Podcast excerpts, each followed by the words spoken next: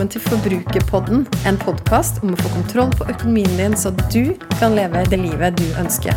Jeg heter Kjersti Grønseth, er trebarnsmor og økonom, og er kanskje aller best kjent som forbrukerfrue. La oss snakke litt om forbruk, for alt starter med det.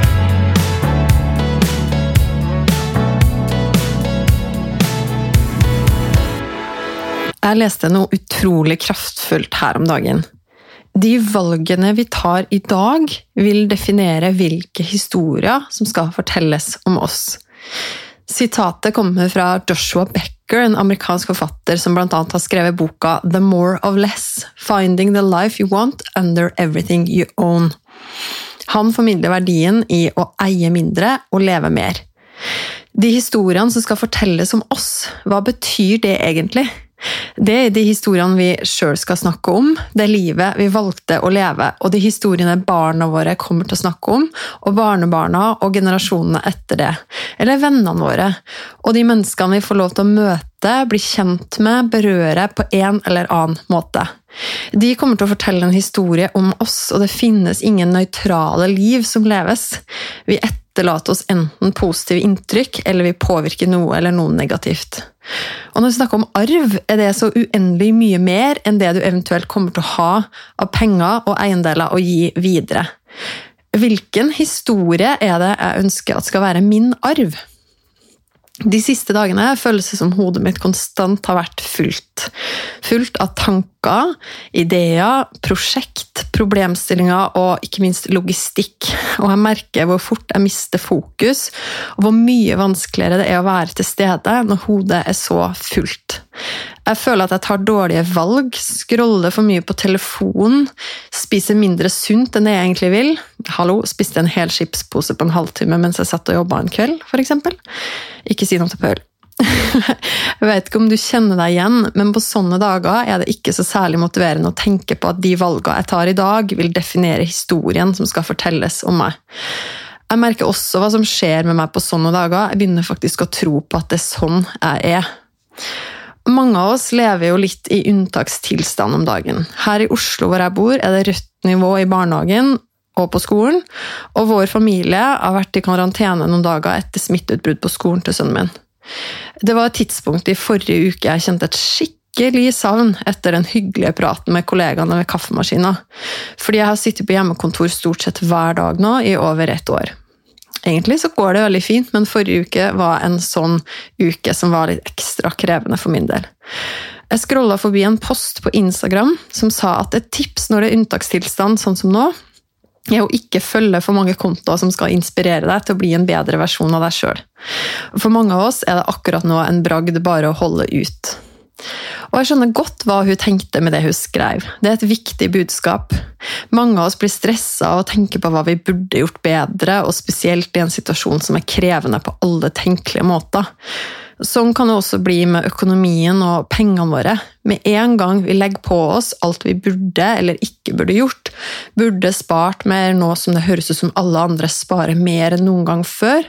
Vi burde kjøpt aksjer fordi vi stadig leser historier om folk som har tjent masse, masse penger de siste åra. Vi burde ikke shoppa så mye på nett. Vi burde ikke brukt så mye penger på ting som egentlig ikke gir noe. Vi burde planlagt bedre og sløst mindre. Og hvis vi på toppen av det begynner å tenke på at alle valg vi tar, vil definere de historiene som skal fortelles om oss, da er veien til motløshet veldig kort. For hvordan kan, det her, hvordan kan disse dagene og de her valgene bli en historie som er verdt å fortelle? Jeg representerer jo en av de kontoene som skal inspirere deg til å bli en bedre versjon av deg sjøl. Det var jo også hele grunnen til at jeg starta på hele reisen som forbrukerfri i utgangspunktet. For å inspirere deg til å ta gode valg med pengene dine. Mitt ønske har hele tida vært å hjelpe deg å få kontroll på din egen økonomi, så du kan leve det livet som du ønsker å leve. Og hvordan kan dette komme til uttrykk gjennom noe som løfter deg opp, sjøl på din dårligste dag? En dag hvor du føler at du bare tar valg som ikke er bra for deg, eller en dag du iallfall ikke tar gode? Jeg tror det handler om det øyeblikket som du er i akkurat nå. På tidlig 2000-tall var slagordet til Coca-Cola 'enjoy the moment'. Og jeg tok det ordet til meg. Jeg eide det, jeg skrev det ned overalt. Dette var jo lenge før hashtagger og sosiale medier. Altså. Det var den gangen vi skrev slagord utenpå skolebøkene våre eller i brev til venninnene våre. En av mine beste kompiser på den tida han gikk imidlertid hardt ut mot meg og det her slagordet. Han mente det ville kunne føre til så utrolig mange dårlige valg og ugjennomtenkte situasjoner hvis jeg bare skulle såkalt nyte øyeblikket, og den setningen han fullførte i sitt hode, ikke tenke så mye på konsekvensene. Jeg vet ikke om du husker det her, hvis du tilfeldigvis skulle høre på denne episoden. Du veit hvem du er. Og jeg ser absolutt poenget hans. Hvis konsekvensen av å nyte hvert øyeblikk er å ikke tenke på hva som skjer etterpå, blir det fort litt krevende, og kan iallfall føre til en del dårlige valg. Men la oss snu på det. Hva kan du gjøre i akkurat det her øyeblikket som kan være starten på den historien du drømmer om å kunne fortelle, uavhengig av omstendighetene rundt? Du som har hørt på meg før, vet at et av mine aller beste tips for å snu en dårlig dag til en som faktisk blir ganske så bra, er å ta fram telefonen, gå inn på VIPS og bestemme deg for å sende en femtilapp til noen i din verden som trenger en oppmuntring. Etter hvert har jeg fått mange historier fra dere om hvordan en sånn femtilapp ikke bare kan bety en stor forskjell for den som får den, men også for deg som gir. Og så enkelt kan det være. Så enkelt kan det være å begynne på historien om at du, du er en sjenerøs person. Du er en som ser opp fra dine egne omstendigheter og utover i din verden. En som ønsker at dine penger skal få bety noe helt konkret for noen andre. Så hvilke valg kan du da ta i dag? Jeg har lyst til å gi deg tre punkter. Tre valg som kan ha stor betydning for historien om deg, og som er helt fri fra du burde-faktor. Nummer én visualisere. Nummer to automatisere. Og nummer tre handler om å bli bevisst i gjerningsøyeblikket. Og her kommer de. Visualisere. Først, prøv å se for deg slutten. Gå helt til slutten av livet ditt og se for deg menneskene som du har fått være i berøring med gjennom livet ditt, og de som tenker på deg som en som har betydd noe positivt i deres liv. Hvem ser du? Og du kan gjerne lukke øynene nå, altså hvis det passer seg der du er. Familien din, naboene dine. Prøv å se det for deg. Kollegaene dine, vennene dine. Hvem er det som dukker opp på netthinnene når du lukker øynene og tenker på helt på slutten av ditt liv og de menneskene som du har fått vært i berøring med? Er det folk på andre sida av landet? Folk på andre sida av jorda? Se nøye og lenge på de her menneskene. De ser takknemlige ut, gjør de ikke? Hva er det du har gjort eller sagt som har fått så stor betydning for dem? Og hva får det deg til å føle når du ser på de her menneskene? Og så tenker du gjennom hva er det du har brukt av tid, penger og energi som har fått bety så mye for de her menneskene? På hvilke måter har du brukt tida di, pengene dine og energien din?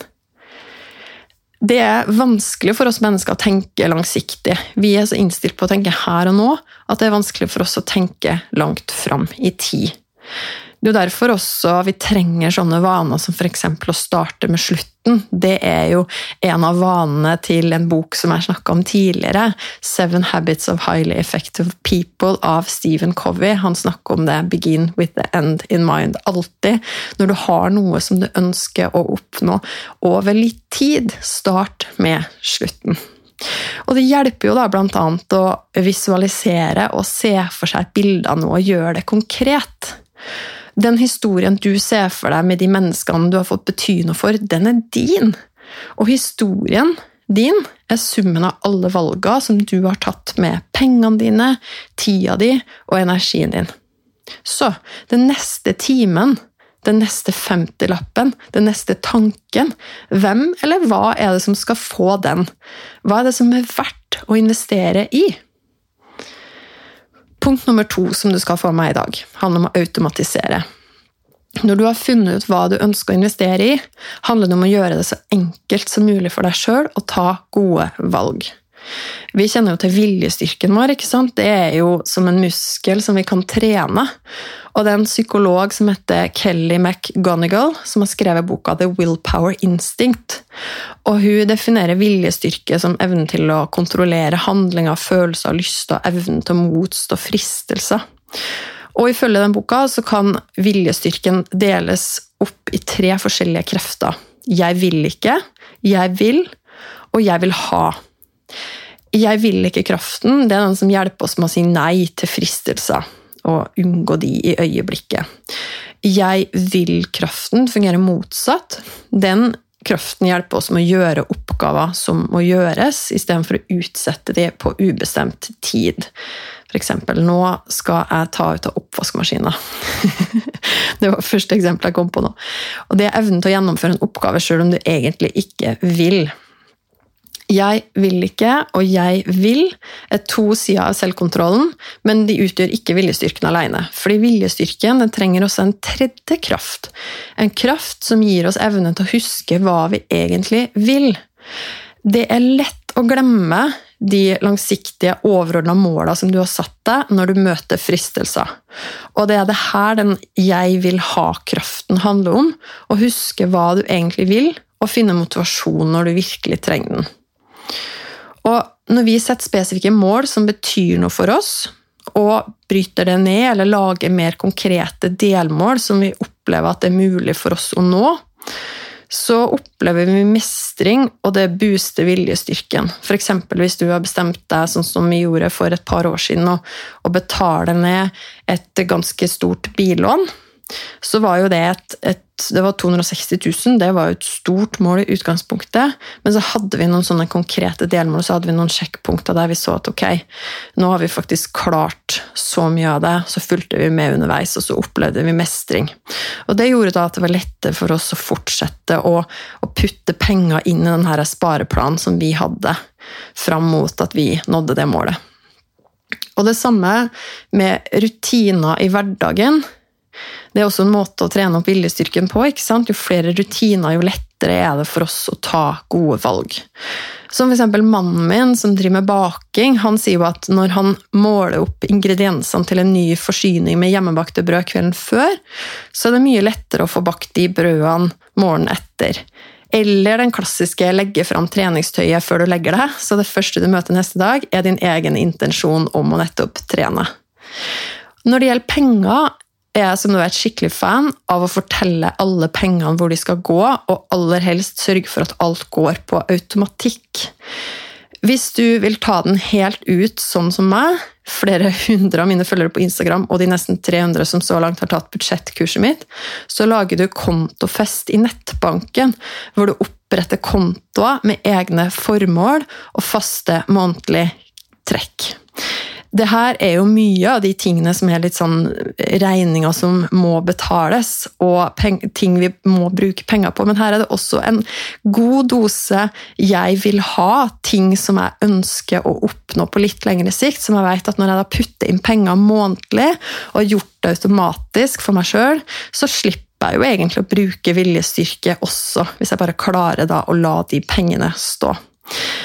Og en del av Kontofest det handler jo også om å ha spareplaner, hvor du f.eks. bruker en spareapp til å lage deg et helt konkret mål, gjerne en drøm, med en frist og med faste månedlige overføringer til målet ditt. Og hvis du, hvis du, skal gjøre én ting i dag som garantert vil gjøre deg godt, opprett en spareplan til noe som du ønsker deg, enten på en konto i din egen nettbank eller i en app. Det siste punktet, det tredje punktet som jeg har lyst til å gi deg i dag, det handler om å være bevisst i gjerningsøyeblikket. Og det handler om å tørre å stoppe opp i øyeblikket før du skal ta et valg. Jeg har vært så heldig å få være med på et tredagerskurs, bl.a. med mindfulness som en del av det, gjennom jobben min. Og noe av det mest kraftfulle jeg satt igjen med etter kurset, var at vi faktisk har muligheten til å velge i nettopp øyeblikket. Fra et eller annet skjer, noe stimuli i omgivelsene våre, det kan være noen som sier noe, noe jeg kjenner på inni meg, eller noe som dukker opp i feeden. Fra det skjer, til jeg da responderer, så kan jeg lære meg å stoppe opp. Og jeg øver meg stadig. Og hvis mannen min hører på nå, så vil nok han tenke 'hæ'? Du er ca. den raskeste jeg vet til å reagere på noe jeg sier. Stemmer det at du øver deg på å stoppe opp før du reagerer? Han skulle bare visst hvor ille det egentlig kunne vært. jeg øver meg. Og det kan du også med pengene dine, f.eks. Neste gang du kjenner på en impuls til å bruke penger på noe, et eller annet, hva som helst, stopp opp og tenk gjennom om det her faktisk er noe som vil gi deg glede. Og Det er jo sagt da i mindfulnessen og i disse teoriene om stimulus og respons at den pausen der, den lille pausen der du tør å stoppe opp, den trenger ikke å være lang. Det handler bare om nettopp bli bevisst. Og Vær spesielt oppmerksom kanskje på følelsene dine. Altså Hvis du har det ganske kjipt om dagen, og så sitter du og scroller på sosiale medier, og det dukker opp noe du tenker at du ville fått det så mye bedre hvis du bare fikk den tingen. Stopp opp bare et lite øyeblikk og tenk før du klikker det hjem. Er det det her som virkelig får meg til å føle meg bedre nå? Og hvorfor fikk jeg lyst på det her akkurat nå? Og hvis du vil også koble det øyeblikket til historien din og de måla du har, tenk gjennom hva kan jeg gjøre med de her pengene i stedet? Er det her en prioritet nå over alt annet jeg har lyst til å bruke penger på akkurat nå? Hvis svaret er nei, dropp det. Sett det samme beløpet inn på spareplanen din i stedet. Poenget er som jeg sa, at det her er ikke noe du burde gjøre. Det her er noe du kan gjøre i det neste øyeblikket som dukker opp. Fordi det er ditt liv, og det er din historie, og i det så ligger det helt nydelige muligheter. Og det starter med nettopp det valget som du tar nå, i neste øyeblikk, gjennom den dagen her. Jeg vil gjerne vite hva du tenker etter å ha hørt episoden. Så koble med meg på Instagram. Der finner du meg som forbrukerfrue. Send meg en melding. Tagg meg gjerne i Story og del episoden her hvis du likte den. Eller send meg spørsmål. Og husk å abonnere på podkasten Forbrukerpodden, så får du beskjed hver gang det kommer en ny episode. Vi høres!